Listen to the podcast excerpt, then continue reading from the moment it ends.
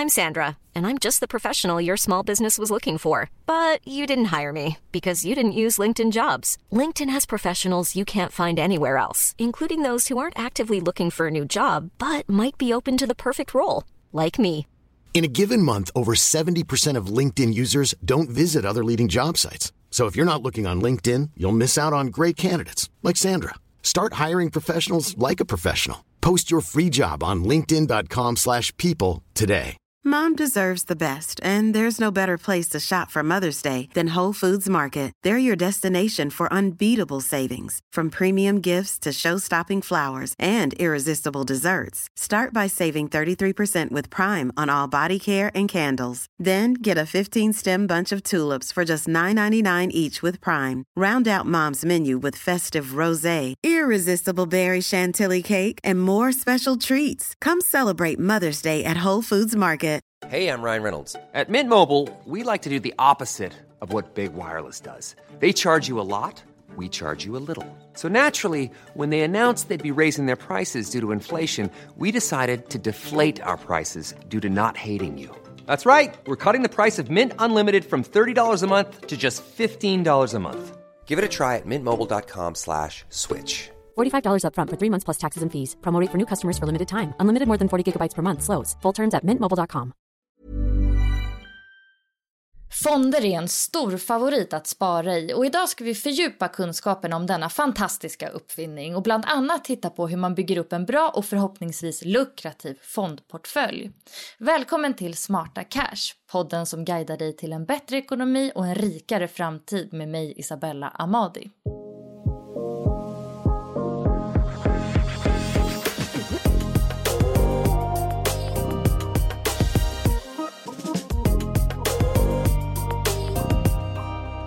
Idag har jag med mig en mästare inom fondkonsten. Hon har tidigare jobbat på nyhetsbyrån Direkt men är numera sparekonom på Fondbolagens förening. Varmt välkommen Johanna Englund! Stort tack för att jag får vara med! Jättekul att ha dig här. Eh, Fondbolagens förening är ju en branschorganisation för fondbolag. Kan du berätta lite om eh, ditt arbete där? Ja, det stämmer bra. Så som sparekonom på Fondbolagens förening så, ehm, ja, men så är min roll tänkt att jag ska försöka vara eh, en kontaktperson för alla sparare i Sverige. Försöka få dem att förstå ehm, hur fondmarknaden fungerar, hur man kan spara i fonder ehm, och även vara ute och utbilda och föreläsa på olika, olika ställen för att försöka få upp kunskapen om fonder i Sverige då såklart. Och så gör jag även det via en blogg och via sociala medier och är med och medverkar på så mycket olika ställen som jag kan egentligen för att försöka sprida kunskapen om den här fantastiska sparformen. Vad är det du tycker är så bra med att spara i fonder om man jämför med att eh, köpa aktier?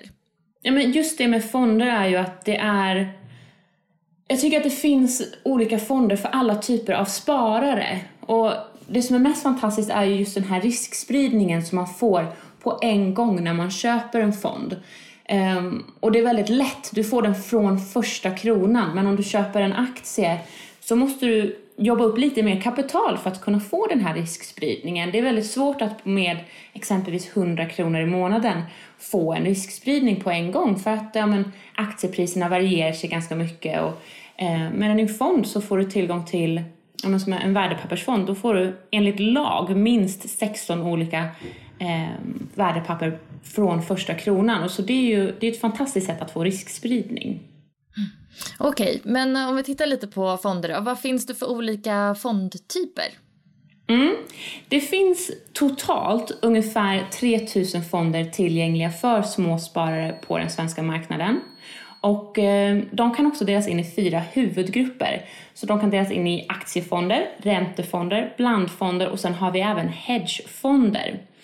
Och alla de här olika typerna av fondgrupperna, de har olika typer av risknivå.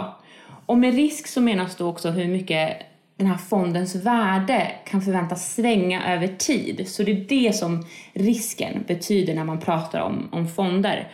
Och ju högre risk en fond har, desto större är möjligheten till högre avkastning. Men desto större förväntas den även svänga över tid.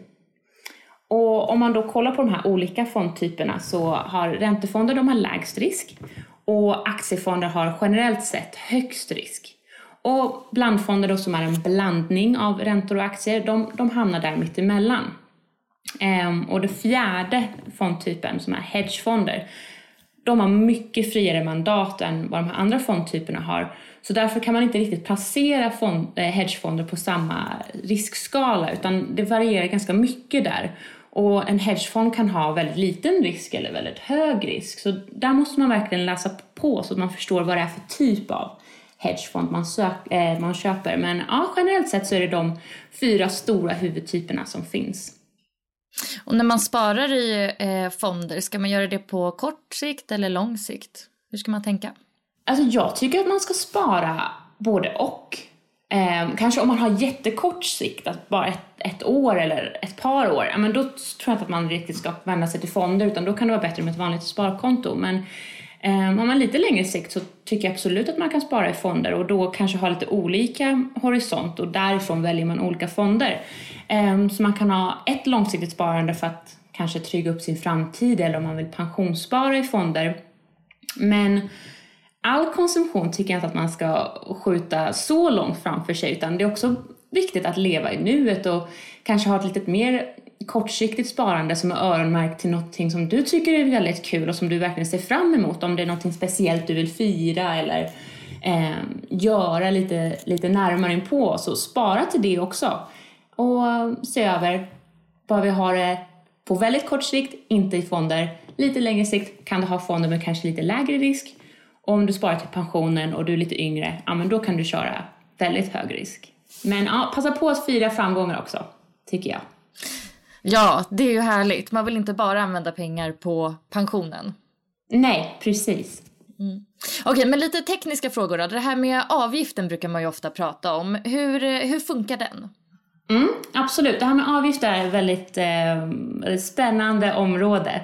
Ehm, för det är inte så lätt att förstå egentligen hur det här med avgiften fungerar. Men om man bara drar rent tekniska så dras den, det dras en 365 del dras från värdet på dina fondandelar varje dag. Så att den dras kontinuerligt under året. Och sen så är det också så att avgiften är alltid avdragen när avkastningen visas. Och den där är lite klurig, även fast man, man säger det högt och folk hör det så är det ändå ganska svårt att ta in att så här, när man ser en avkastning på en fond, då är avgiften redan avräknad. Så man kan tänka sig ett exempel att du har en fond som har 10% avkastning och 1 i avgift. Och så har du en annan fond som har 11 i avkastning och 2 i avgift. Så är det ändå den fonden som har 11 i avkastning men en högre avgift som har gått bättre, för den har ju 1% högre avgift efter avgiften, eller avkastning efter avgiften. Så man ska inte själv börja försöka dra av avgiften på siffrorna? Nej, precis. Man ska inte göra det, utan när avkastningen redovisas så är avgiften redan avdragen. Och sen så när det kommer till avgift då, så såklart kolla den årliga avgiften. Det är viktigt för att du har ju förvaltningsavgiften. Men sen så kan det också finnas andra avgifter som, som tillkommer. Och um, den redovisas också, så kolla den årliga avgiften och den inkluderar förvaltningen, distributionen, administrationskostnader, allt annat som också tillkommer. Så det, det är den avgiften som du i slutändan betalar för. Okej, okay, men för det kan ju vara ofta sådär att man blir lite orolig när avgiften är hög, men du menar ändå att det är avkastningen som man ska fokusera på då?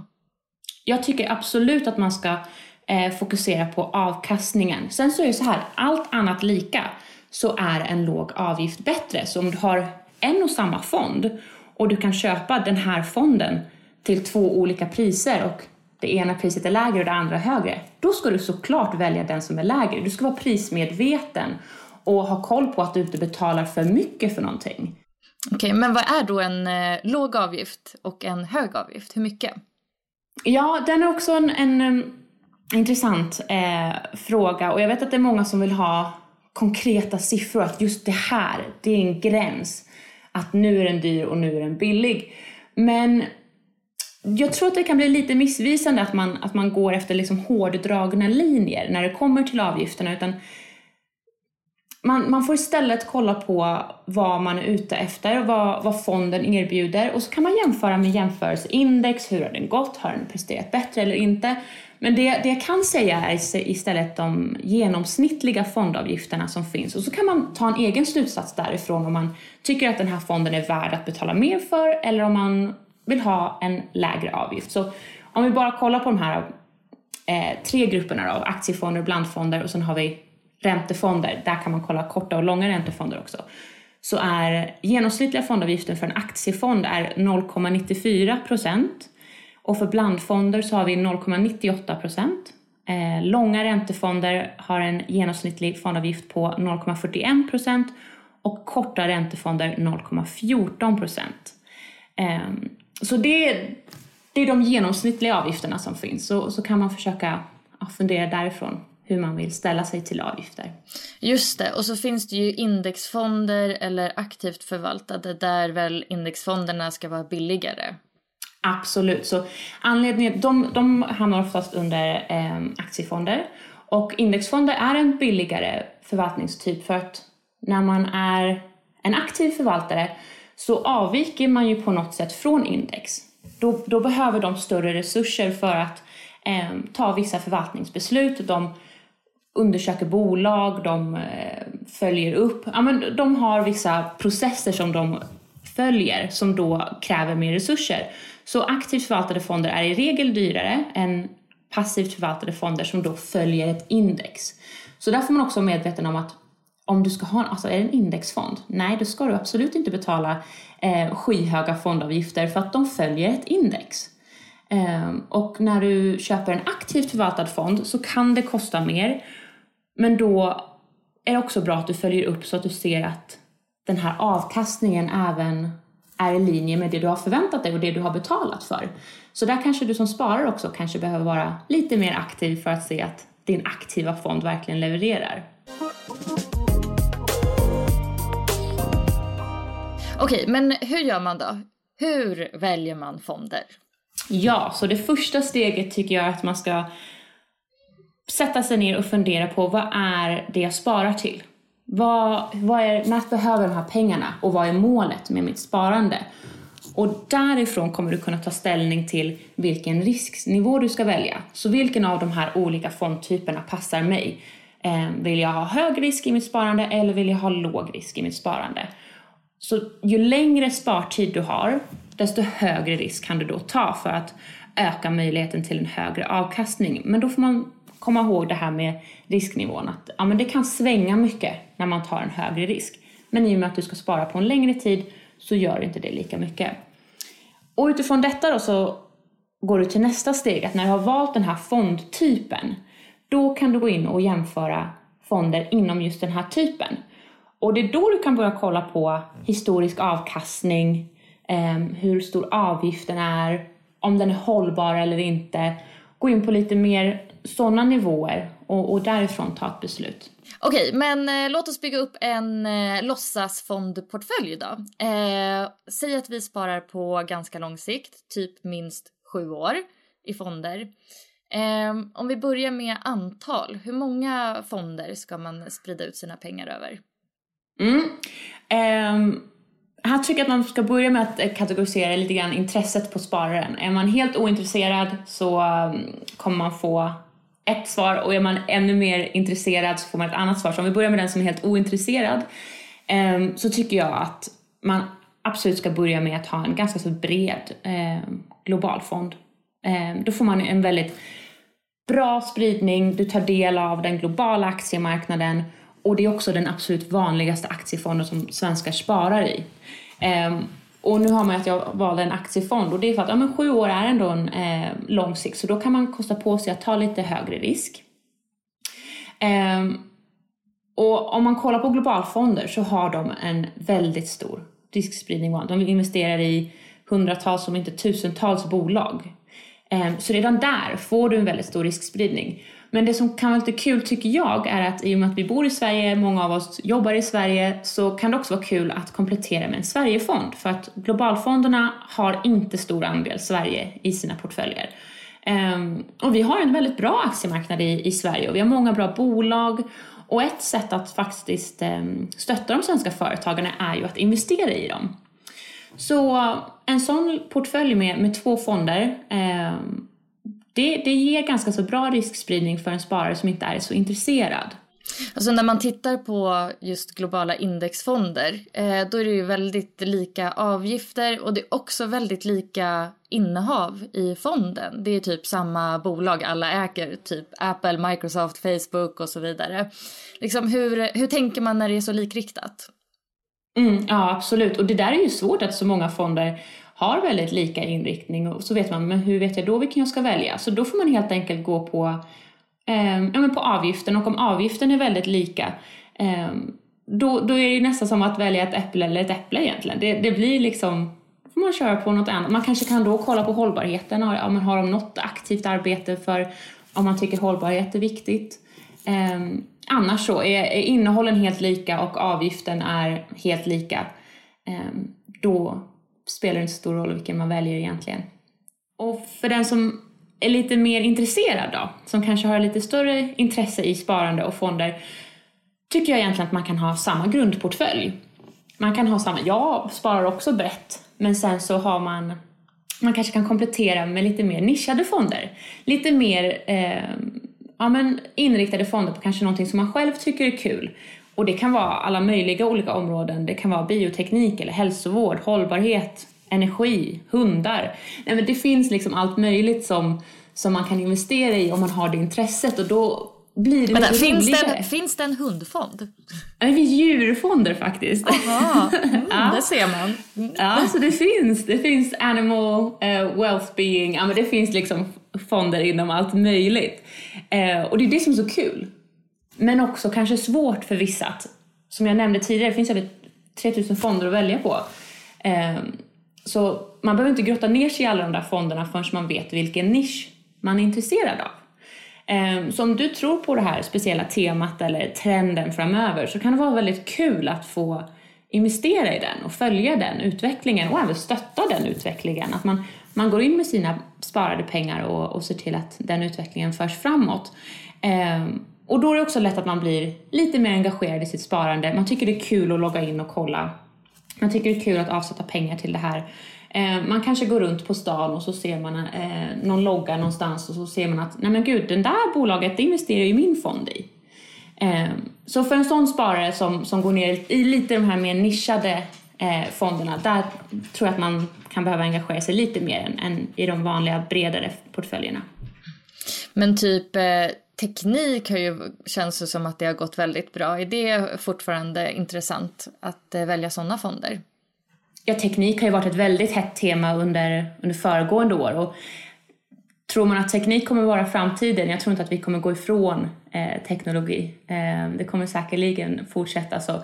Teknik har varit ett väldigt hett ämne, kommer troligtvis vara det framöver. Eh, men sen så får man vara medveten om att de här trenderna kan gå fort. Det kan svänga väldigt fort Ehm, utifrån vad som är poppis och vad som inte är poppis. Och sen, vi vet hur det är, marknaden förändras väldigt fort nu för tiden. Så jag tror inte att man ska hoppa på sådana trender bara för att det är trendigt för stunden och att man har läst någonstans att nu går teknikfonder absolut bäst, då ska jag köpa det. Utan köp någonting som du förstår dig på och som du tror på i grunden själv, som, som du har någon slags tro på. Ehm, det tror jag är bästa sättet. Om man väljer en eh, aktivt förvaltad, lite mer nischad fond, då, hur viktig är eh, den person som är förvaltaren? Jo men det är klart att förvaltaren blir viktig i en sån fond i och med att det är förvaltaren som tar alla de besluten som portföljen grundas i. Ehm, och nu för tiden finns det ju väldigt många olika forum som de här förvaltarna eh, kan synas i och ehm, ofta väldigt eh, generösa med att prata om, om sin portfölj och hur de tänker och man kan lära känna dem på väldigt många bra sätt så att jo men det är klart att man ska, man ska tro på sin förvaltare. Ehm, och förhoppningsvis så, så gör de allt de kan för att man ska få så bra avkastning som möjligt. Är det vanligt att folk följer med förvaltare? Säg att det har eh, man har köpt en fond som har gått superbra, sen så byter förvaltaren arbetsplats. Hoppar spararna med då? Jag tror att de, de mest aktiva spararna, alltså det är inte, jag tror inte att det är jättemånga i Sverige som har superkoll på vilka förvaltare de har i sina fonder, men det finns de som verkligen har koll och de, de tror jag nog följer med. Ja, det kanske var lite nördigt. ja, precis. De som kanske är riktigt nördiga och verkligen eh, inne i det här, den här världen, de kan jag tänka mig följer med. Men eh, hur riskfyllt är det att spara i fonder då? Ja, men det finns ju alltid en risk med, med fondsparande. Eh, och det här med risk är ju ett, ja, men det är ett väldigt roligt begrepp för att det kan kännas lite läskigt så fort man pratar om risk. Men risk hör ju faktiskt ihop med möjlighet när det kommer till fondsparande. För utan den här risken så har man ju inte en chans till en bättre avkastning.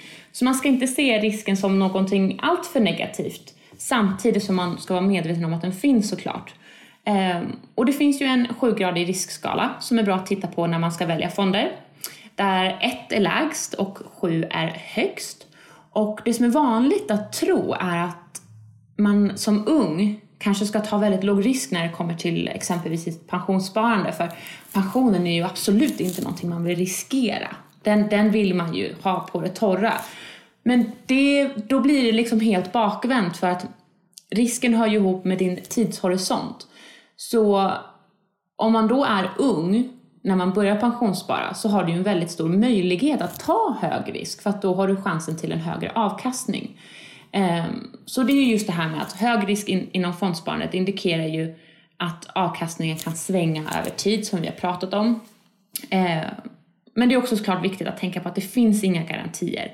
Bara för att det är hög risk så innebär inte det automatiskt att ditt sparande kommer stå som högst när du bestämmer dig för att ta ut de här pengarna. Så det är absolut riskfyllt, det finns en risk, men det är också risken som gör att det finns en möjlighet till en hög avkastning.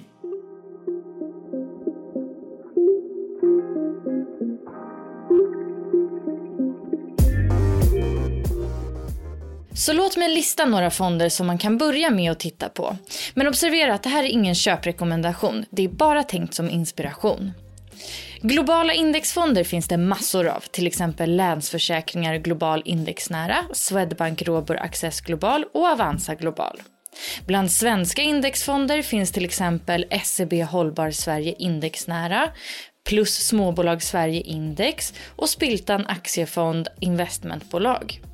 Fonder med fokus på hållbarhet. Där finns till exempel Handelsbanken Hållbar Energi, Proetos fond och SPP Global Solutions. Därtill finns tusentals andra fonder och massvis med inriktningar, bland annat mot USA, Europa och teknik.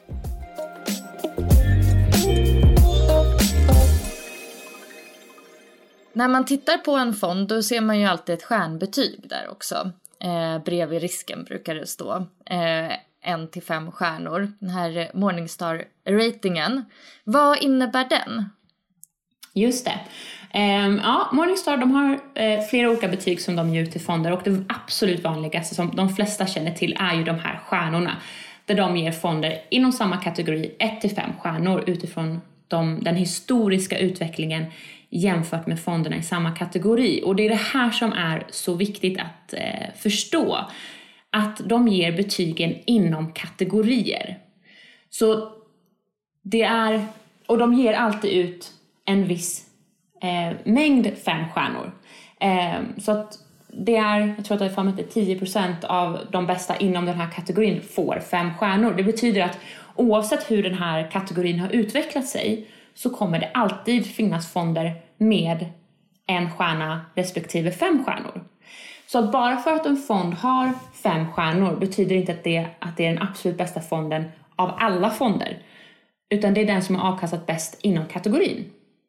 Um, så... Okej, okay, så betyget handlar om avkastningen? Ja, så det, det beror på exakt, den visar hur den har avkastat historiskt jämfört med andra fonder inom samma kategori. Um, och i och med att den också visar historiskt så är det viktigt att tänka på att ja, men, historien är inte heller någon garanti för, för framtiden.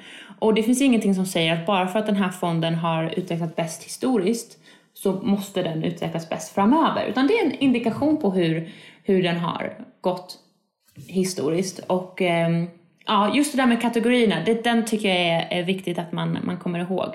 Eh, att du ska inte, det är samma som med avgiften nästan, du ska inte basera ditt fondval enbart på avgiften eller enbart på att den här fonden har fem stjärnor. Utan du måste väga in massa parametrar innan. Vilken kategori ska jag ha? Eh, vilket område vill jag placera i? Därefter kan man börja blanda in de här andra parametrarna som avgiften och, och hur många stjärnor den har. Okay. Men vissa har inte något betyg, är det för att de är nya? Precis, så Morningstar har sagt att de måste ha en viss eh, mängd data att faktiskt kunna gå på. Så fonden måste ha funnits under en viss tidsperiod för att de ens ska kunna ge, ett, eh, ge dem ett, de här betygen. Så det är så att de fonderna som är ganska så nya och unga, de har inget betyg för de kan inte få det ännu. Mm.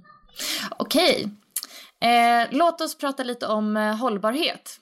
Det, ja. det blir ju viktigare för eh, allt fler nu och liksom ökat tryck från konsumenter och det verkar också vara en ökad vilja från företagen att eh, jobba mer med hållbarhet. Så när det kommer till fonder, hur vet man att en fond är hållbar? Ja, just det här med hållbarhet kan ju vara ganska så snårigt faktiskt. Eh, men det finns flera olika hållbarhetsbetyg som man kan ta hjälp av. Exempelvis så har Morningstar som tar fram de här stjärnbetygen, de har jordglober. Det finns hållbarhetslövet och så finns det också svanenmärkningar. Ehm, och jordglobarna de betygsätter fonder utifrån hur väl bolagen som ingår i fonden arbetar med hållbarhetsfrågor jämfört med andra fonder i samma kategori. Så där kommer vi återigen in i det här med, med olika kategorier. Ehm, så att de, de rangordnar fonderna i den här valda kategorin. Ehm, och hållbarhetslövet det är det också Morningstar som har tagit fram och det är ett löv som ges till fonder som investerar i bolag med låg exponering mot fossila bränslen och låg koldioxidrisk. Och eh, det sista då som jag nämnde var svanenmärkningen och eh, för att få den märkningen så måste en fond bland annat helt avstå från att investera i vissa kontroversiella branscher och det kan vara eh, ja, men olika kontroversiella branscher som, som man har valt. Eh, och så måste de göra en hållbarhetsanalys av tänkbara placeringar och de måste prioritera de bättre företagen. Och så måste de också årligen rapportera vad fonden har genomfört för hållbarhetsarbete. Så det finns de här olika betygssättningarna som man som sparare kan utgå ifrån och kika efter. Men sen så som du nämner, det, har ju, det här är ett väldigt hett ämne och det är mycket som händer. Och det kommer hända ännu mer framöver. Eh, vi har EUs nya taxonomi som eh, kommer i, träda i kraft nu under året. Och det är inte helt klart hur det faktiskt kommer se ut. Eh, vi i Sverige har varit ganska så bra på det här med hållbarhet och fondbranschen har sett ganska tidigt att det här är någonting som är viktigt att engagera sig i och de har sett att spararna tycker att det här är viktigt. Så de har måste ändå säga att fondbranschen har varit ganska så bra på att ta fram material för spararna för att kunna göra de här besluten. Men nu kommer det här på EU-nivå um, för att se till att alla hanterar det här på samma sätt. Men handlar det mest om de här miljöaspekterna som hållbar energi och sådär? Eller är det också mer sociala värden? Typ antikorruption, schyssta arbetsvillkor? De, den här taxonomin inkluderar allt. Det är alla parter av E, S och G, om man säger så. Ehm, så den är väldigt eh, heltäckande på det sättet att den försöker täcka in de flesta områdena. Okej, men om man tittar på de hållbara fonder som finns då, hur har de presterat generellt? Just förra året var ju ett eh, fantastiskt år för hållbar, hållbarhet samtidigt som eh, med teknik som vi pratade om, att teknik var väldigt hett under förra året, så var ju också hållbara fonder väldigt hett och hållbara bolag. Och en av de bästa Sverigefonderna under 2020, det var en hållbarhetsinriktad fond. Ehm, så att, jag måste ändå säga att det här området har fått en eh, väldig uppsving senaste tiden. Ehm, och det känns som att allt fler tycker att det här är en viktig och intressant aspekt. Och för några år sedan så var det en diskussion om att man fick nästan ta en kostnad om man ville investera i hållbara fonder eller bolag. Att man, man skulle förvänta sig en lägre avkastning om man valde att investera i ja, men att man valde att investera hållbart. Men eh, det tycker jag nog att man kan säga att man inte alls behöver göra om man kollar på förra året i och med att vi hade en sån fantastisk avkastning eh, inom hållbara bolag och eh, det finns ingenting som säger i alla fall att eh, man bör förvänta sig en lägre avkastning. Eh, sen så är hållbarhet ett svårt ämne. Det är svårt att det finns liksom ingen eh, tydlig benämning på vad som är hållbarhet som alla är överens om. Utan det kan vara lite flytande att någon tycker att det här är viktigt, att just det här är hållbart. Medan någon annan kan tycka någonting annat. Ehm, så vi får väl se om, om EUs nya taxonomi kan råda lite klarhet i det. Mm. Okej, generellt då? Finns det något man ska akta sig för när det gäller fonder? Um, jag tror att man ska akta sig för att köpa någonting, alltså investera i en fond som man inte riktigt förstår sig på. Man kanske har hört någon annan att, ja men det här snacket som kan gå. Eh, när man hör någon annan rekommendera en fond eller att ja, men det här har gått bra för mig, jag, jag investerar i den här och så hoppar man bara på den fonden utan att man förstår vad det är för någonting och, och varför någon annan tycker att den är bra. Um, så att, ja, men det finns liksom inga genvägar till ett bra sparande för att vi har alla olika förutsättningar och olika mål och olika tidshorisonter som vi ska ha vårt sparande i. Så jag tror att man inte ska eh, hoppa på någonting som man inte riktigt förstår. Absolut. Och vad är det roligaste med fonder tycker du då? Vad är, liksom, vad är, vad är USPen? Varför ska man börja med fonder? Ja men det är ju helt klart avkastningen såklart. Eh, det är ju fantastiskt kul att gå in på eh, sina konton och så ser man att det helt plötsligt har mina pengar växt så mycket. Och jag har egentligen inte gjort något mer än att jag har valt att investera dem i en fond. Ja, det är bäst. Eller hur? Hundra procent. Ja. Stort tack för att du kom och gästade podden idag, Johanna. Ja, men stort tack för att jag fick vara med. Det var jätteroligt. Eh, lärde mig faktiskt jättemycket. Eh, alltid kul att oh, prata kul. lite fonder. Ja. Eh, om man vill följa dig på sociala medier, vart eh, gör man det då? Vill man följa mig med fondsnack så är Twitter absolut bäst, men också fondkollen.se. Ehm, det är där jag bloggar, där kan man hitta massa bra verktyg, räknesnurror och man kan göra beräkningar på sitt sparande. Man kan jämföra alla Sveriges fonder. Ehm, så fondkollen.se och Twitter, helt klart. Härligt! Och den här podden eh, heter Smarta Cash Podcast på Insta och jag heter Isabella Amadi på Twitter. Stort tack till dig som har lyssnat också. Hej då!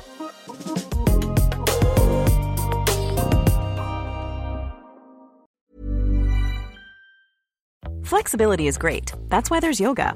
Flexibility for your insurance coverage is great too. That's why there's United Healthcare Insurance Plans. Underwritten by Golden Rule Insurance Company, United Healthcare Insurance Plans offer flexible, budget friendly coverage for medical, vision, dental, and more. One of these plans may be right for you if you're, say, between jobs, coming off your parents' plan, turning a side hustle into a full hustle, or even missed open enrollment. Want more flexibility? Find out more about United Healthcare Insurance Plans at uh1.com. Mom deserves the best, and there's no better place to shop for Mother's Day than Whole Foods Market. They're your destination for unbeatable savings, from premium gifts to show-stopping flowers and irresistible desserts. Start by saving 33% with Prime on all body care and candles. Then get a 15-stem bunch of tulips for just $9.99 each with Prime. Round out Mom's menu with festive rosé, irresistible berry chantilly cake, and more special treats. Come celebrate Mother's Day at Whole Foods Market. Hey, it's Paige DeSorbo from Giggly Squad. High quality fashion without the price tag. Say hello to Quince. I'm snagging high-end essentials like cozy cashmere sweaters, sleek leather jackets, fine jewelry, and so much more. With Quince being 50 to 80% less than similar brands. And they partner with factories that prioritize safe, ethical, and responsible manufacturing. I love that. Luxury quality within reach. Go to quince.com slash style to get free shipping and 365 day returns on your next order. Quince.com slash style.